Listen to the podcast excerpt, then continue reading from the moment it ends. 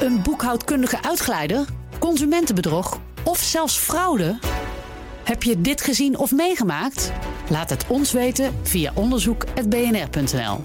Want de onderzoeksredactie van BNR stelt ook jouw kwestie op scherp.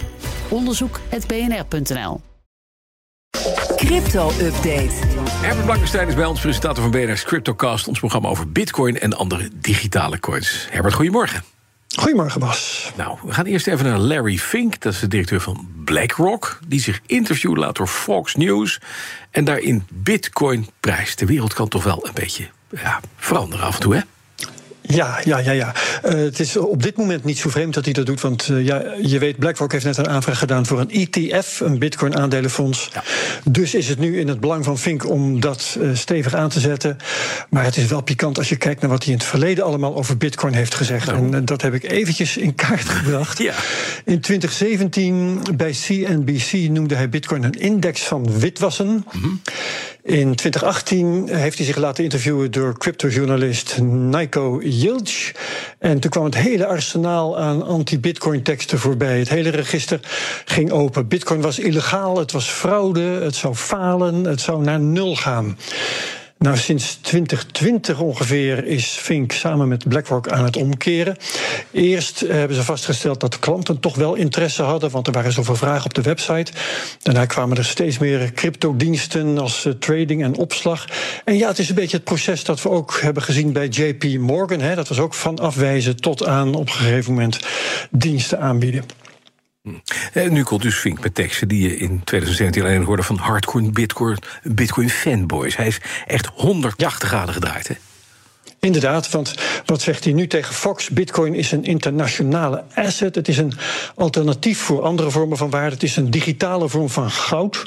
Het is een verzekering tegen inflatie en ook tegen een zwakke munt. Als je in het verkeerde land woont, luister maar naar Larry Fink zelf. Instead of investing in gold as a hedge against inflation, a hedge against or the devaluation of your currency, whatever country you're in, Bitcoin is an international asset. Zo, kijk ja, en verderop in het. ja, uh, het is inderdaad of je een fanboy hoort. En verderop heeft hij het zelfs over het tokeniseren van beleggingen. Je weet echt niet wat je hoort.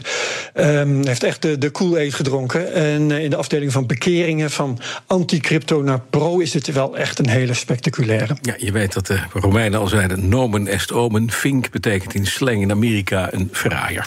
Uh, doet dit trouwens nog iets met de koers van Bitcoin? Nou, ik dacht eens van niet, maar ik ben wat beter gaan kijken. En het is zo dat as we speak Bitcoin mm -hmm. bezig is met een sprintje.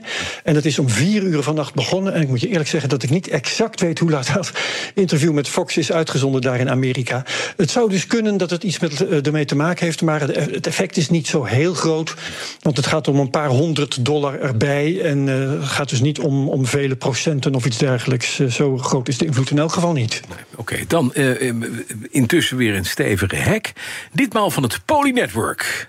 Ja, en uh, het is natuurlijk wel allemaal uh, fraude en criminaliteit, hè Bas? Uh, dat ja. mag duidelijk zijn. Het Poly Network is een systeem om verschillende blockchains aan elkaar te knopen, zodat je dan verschillende coins in elkaar kunt omwisselen zonder naar een exchange te gaan. En in dit geval is het een hacker gelukt om zelf nieuwe tokens uit te geven. Ja. En dat deed hij tot een bedrag van, en dit, dit is geen vergissing, 42 miljard dollar. Hallo zeg. Ik heb het echt niet over miljoenen, nee. ik heb het over miljarden. Dat is een nieuw record. Behalve natuurlijk als de dader had geprobeerd om dat allemaal weg te sluizen. Dan ja. zou de waarde van die tokens meteen zijn ingestort. En dan had hij helemaal geen 42 miljard dollar op zak gehad. Wat is er intussen wel verdwenen? Een bedrag van volgens de laatste schatting is het zo'n 10 miljoen dollar. Nou, dat is geen record, maar ook leuk uh, als je de dader bent. Ja. Uh, overigens is het zo, twee jaar geleden verloor het Poly Network nog 600 miljoen. En dat was aan de Noord-Koreaanse Lazarus Group. Dus ze zijn dit een beetje gewend. Ja, dan uh, wordt het geen tijd om al te grote transacties te verbieden of zo? of een andere beveiliging tegen, tegen compleet uitgekeerd worden? Want die bestaat eigenlijk niet, hè? Uh, nee, maar dat is wel juist wat er in de community van Ethereum nu wordt besproken. Um, het gaat dus vaak om decentrale financiële diensten. Die worden dan bestolen. En uh, mm -hmm. tot nu toe voor een bedrag van naar schatting 3 miljard. Ook oh, dat is geen vergissing. 3 miljard ja. is er in rook opgegaan.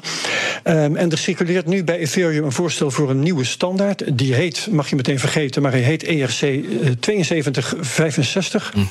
En die moet gaan werken als een soort zekering tegen het compleet leeghalen van zo'n smart contract in een paar seconden tijd. Dus gaat het te hard, dan poef, dan wordt de boel Knalt hij eruit. Ja. Ja, maar dat moet nog wel door de besluitvorming heen. Dus het is er nog niet. Het zit in de pijplijn. Oké, okay, nou dan iets waarvan ik vast weer ga zuchten over een tijdje. Een nieuwtje op het gebied van ordinals, de Bitcoin-versie van NFT's. Er staat nu een ja. appje op de blockchain waarmee je muziek kunt maken. Ja, ja, ordinals zijn dus digitale codes gekoppeld aan een bepaalde Satoshi, hè, een bitcoin-muntje van een 100 miljoenste bitcoin. Um, en die ordinals, dat kunnen digitale beelden zijn. Vaak zijn het ook teksten. Het is allemaal qua omvang net iets beperkter dan de NFT's op Ethereum en Solana en noem maar op. Um, omdat uh, deze dingen, uh, omdat de NFT's niet op de Ethereum blockchain zelf hoeven worden weggeschreven. En die ordinals moeten wel op de Bitcoin blockchain zelf weggeschreven. Kunnen dus niet al te groot zijn. Maar ja, met software kan dat dus ook. Maar die moet dan wel heel eenvoudig blijven. En uh, er is een Descent into Darkness Music Engine nu gepubliceerd op de blockchain. Daarin kun je tekst invoeren en op basis daarvan wordt dan een muziekje gegenereerd. Wat heb ik gedaan? Ik heb in die Descent into Darkness Music Engine ingevoerd: luister naar BNR.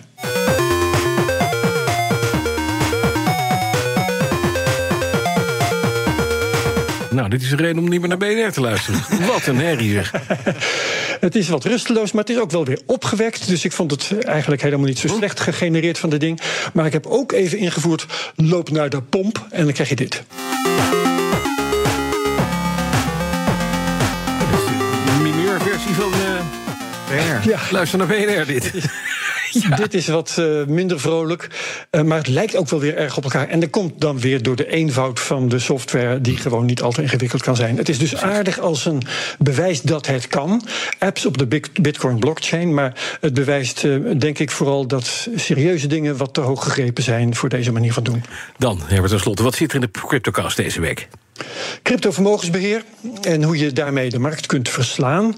Uh, wordt altijd toch uh, beweerd dat dat kan. De markt, dat is in dit geval Bitcoin. Want als je cryptovermogensbeheerder bent en je doet het niet beter dan Bitcoin, dan hadden je klanten net zo goed Bitcoin kunnen kopen en vasthouden.